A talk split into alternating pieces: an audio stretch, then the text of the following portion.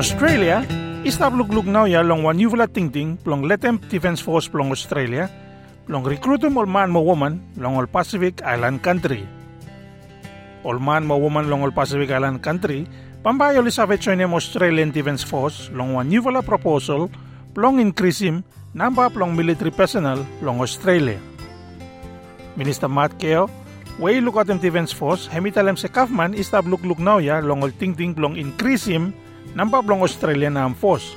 From no se recruitment hemi slow down lelebet. One option now, hemi plong allow all people plong all foreign country plong all come join long armed force. Hemi talem se, only look look long every option wo hemi stop plong help him defense force hemi grow. Mo one long all option yan now hemi plong karemol member plong all force plong all narafala friend country plong all come join. One narafala ting ting tu, hemi plong karemol man mo woman long all nara place plong kam long Australia. O all keta plong all narafala country will stop finish long Australia plong all join him defense force.